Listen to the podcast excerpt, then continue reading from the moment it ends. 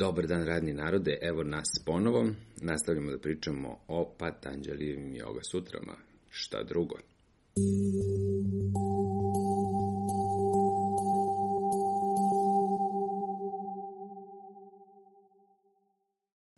Rekao smo i prošli put, ajde da odradimo jednu malu rekapitulaciju svega što se do sada desilo, dok još imamo vremena za to. Dakle, u prve četiri sutre Patanđali nam nudi četiri kamena temeljca na osnovu kojeg ćemo da izlijemo temelje naše buduće kuće. On nam prvo kaže, odnosno prvo nas poziva da sada počnemo sa učenjem joge, prekinemo svoje druge aktivnosti i kaže, ono, sada i ovde joga, hajde da se posvetimo toga, tome, Zatim nam kaže šta je joga, odnosno identifikuje, odnosno definiše je kao smirivanje tokova misli, kaže nam da nakon što to uspemo, da ćemo upoznati svoju suštinu, odnosno svoje pravo biće i da ukoliko to i da ćemo ukoliko to ne izvedemo se poistovećivati sa svojim mislima. Nakon što nam je dao četiri kamena temeljca, Patanđali nam daje u sledeće dve sutre i sledeće informacije, odnosno kaže nam da postoji pet vrsta misli i da nam one, biti mogu, one mogu biti korisne i beskorisne i u sutri 1.6 nam kaže koje su zapravo te vrste misli. Grupišući ih u tačna znanja, pogrešna znanja, predstave, snove i sećanja.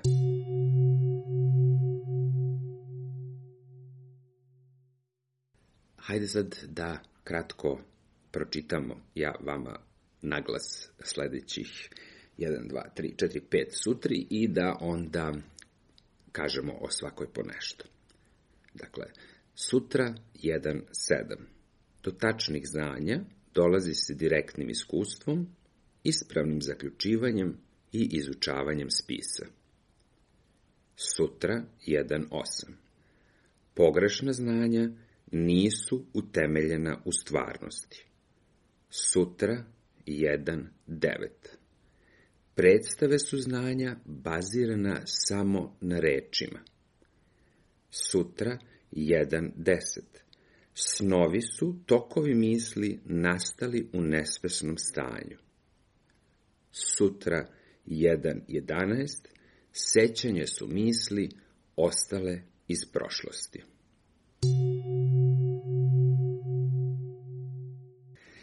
I eto, tih pet sutri um, ćemo da obradimo u ovoj trećoj epizodi. Ono što Patanđali stavlja na prvo mesto su šta tačna znanja um, i kaže nam da se ona stiču na tri načina. Da se stiču direktnim iskustvom, da se stiču ispravnim zaključivanjem i da se stiču izučavanjem postojećih, odnosno potvrđenih znanja.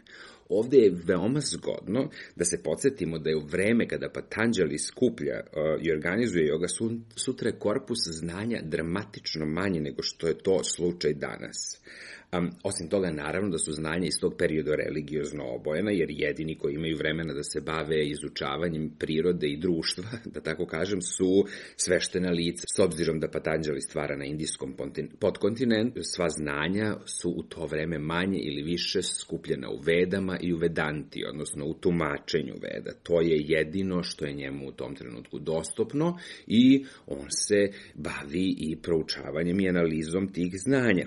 Ne iznenađuje naravno da, s obzirom da je situacija takva kakva jeste, da najveći broj ljudi zapravo i veruje da su to jedina prava, iskonska, izvorna, e, u čemu sve utemeljene znanje. To su ti spisi o kojima Patanđali govori. U tom trenutku ljudi se najozbiljnije moguće bave znanjem koje tada imaju. U tom trenutku ne postoji teorija atoma, ne postoji periodni sistem elemenata, veruje se da je Zemlja centar sveta i da se sve okreće uh, oko Zemlje. Dakle, čovečanstvo živi u jednom, kada je bar znanje u pitanju, vrlo, usudit ću se tako da kažem, primitivnom okruženju. Dakle, do tačnih znanja dolazi se direktnim iskustvom, ispravnim zaključivanjem i izučavanjem spisa. pogrešna znanja na drugom, koja se nalaze na drugom mestu, za, za njih Patanđeli kaže da su to znanja, znanja koje nisu utemeljena u stvarnosti. Dakle, oni su neka vrsta antipoda onom prvom. To su ona znanja koja nam daju pogrešnu sliku o stvarnosti, jer u njoj nisu utemeljena. Oni ne oslikavaju realnost takvom kakva ona jeste. On nas ovde upozorava da takođe postoje i takva vrsta znanja. Dakle, to su pretpostavljam znanja koja su van, um, koja možda i prkose postojećim skriptama koja se možda i ne slažu sa postojećim autoritetima znanja skupljenim u različitim religijskim ustanovama i institucijama toga vremena to nije nekakva novina u ljudskom društvu da ovaj, se revolucije ne gledaju blagonaklono, pa sa tim uh, uh, u vezi pretpostavljam i da, da tadašnja, tadašnja sveštenička kasta takođe za sebe želi da zadrži moć e, interpretacije realnosti, pozivajući ljude da se bave znanjima, e, izučavanje, e, da se bave izučavanjem spisa i zdanjima koje oni nude svetu.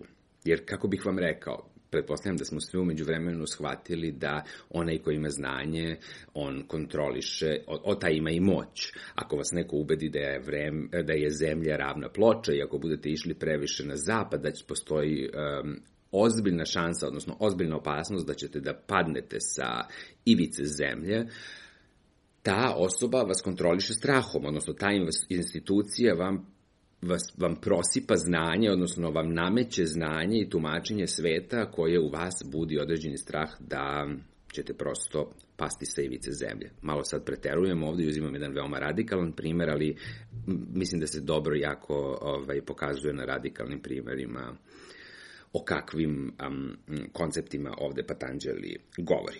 Dakle, rekli smo, e, postoje tačna znanja, do kojih se dolazi direktnim iskustvom, ispravnim zaključivanjem i izučavanjem spisa. Sutra 1.8 nam kaže da um, postoje ali i pogrešna znanja koja nisu utemeljene u stvarnosti.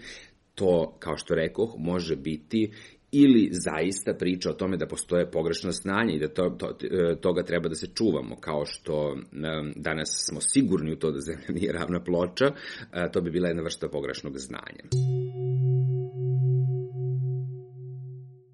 Treća sutra u ovom nizu kaže predstave su znanja bazirana samo na rečima. Dakle, on ovde govori o konceptima, on ovde govori o, o rečima koje koristimo da bi obeležili predmete. E, zgodan primer eventualno ovde bi mogao da bude kako jedan laik i kako jedan ekspert doživljava Van Gogovu sliku. Istoričar umetnosti ispred Van Gogove slike poznaje njegov rad i sigurno će na određeni način doživeti, na primer, neku Van Gogovu sliku. Sa druge strane, ne jedan laik koji nikad u životu niti je čuo za Van Goga, će na drugi način doživeti tu sliku, ali to ni jednog trenutka nužno ne znači da je intenzitet lepote te slike, odnosno doživljaja lepote te slike manji kod laika nego što je kod, kod školovanog istoričara umetnosti. To je možda dobar primer za, ova, za e, Sutru 1.9 koja kaže da su predstave znanja bazirane samo na rečima. I da se vratimo na ono, prvo da se do tačnih znanja dolazi direktnim iskustvom, da malo povežemo te dve sutre. Dakle, um, istoričar umetnosti poznaje puno reči na temu Van Gogha, jedan laik koji nema pojma o Van Gogu ne poznaje puno koncepata na tu temu. Ali to, kao što rekoh, ne znači da će jedan, odnosno drugi, intenzivnije da doživi umetnički rad pred sobom. Sutra 1.10 kaže snovi su tokovi misli nastali u nesvesnom stanju. Najvećem broju um, jogića i jogina je poznata reč nidra, odnosno yoga nidra. O tome je ovde reč. E, Patanđeli govori o tom nekom malo čas, e, odnosno u prethodnoj epizodi sam ga nazvao, kao što ga je Laze Kostić nazvao, među javom i med snom stanju. To je neka vrsta, mi u srpskom jeziku kažemo sna, a u suštini nije san, nego je upravo taj moment među javom i med snom. Um, to je taj moment jogijskog spavanja, to je neka vrsta laganog sna, odnosno faze totalne opuštenosti. Možda bi neurosna, e, e, neurolozi to nazvali ono aktivnim um, periodom uh, aktivnosti parasimpatičkog nervnog sistema koji je zadužen za naše opuštanje. Dakle, Patanđeli smatra da su i misli nastale u tom periodu koje on naziva snovima zapravo e, jedna posebna vrsta misli, odnosno da, da misli nastale u tom periodu takođe zavređuju dovoljno pažnje da budu obeležene kao jedna, jedna od pet vrsta misli kojima čovek raspolaže, kojima se čovek bavi. Poslednja sutra u ovom nizu, sećanja su misli ostale iz prošlosti, dakle još jednom, Patanđeli nas upoznaje sa još jednom vrstom um, misli i naziva ih, obeležava ih kao sećanje. To su dakle ta neka, ta neka, te neke misli koje smo mi možda stekli i direktnom iskustvom i ispravnim zaključivanjem i izučavanjem spisa ili svim, na sve ove načine od ranije na našem putu ka samospoznaji, odnosno na našem putu ka upoznavanju sobstvene suštine, ove nam misli, ovih pet vrsta misli nam budu, mogu biti korisne i beskorisne. I to bi bilo to za ovaj put. Hvala na pažnji i čujemo se u sledećoj epizodi. Ćao!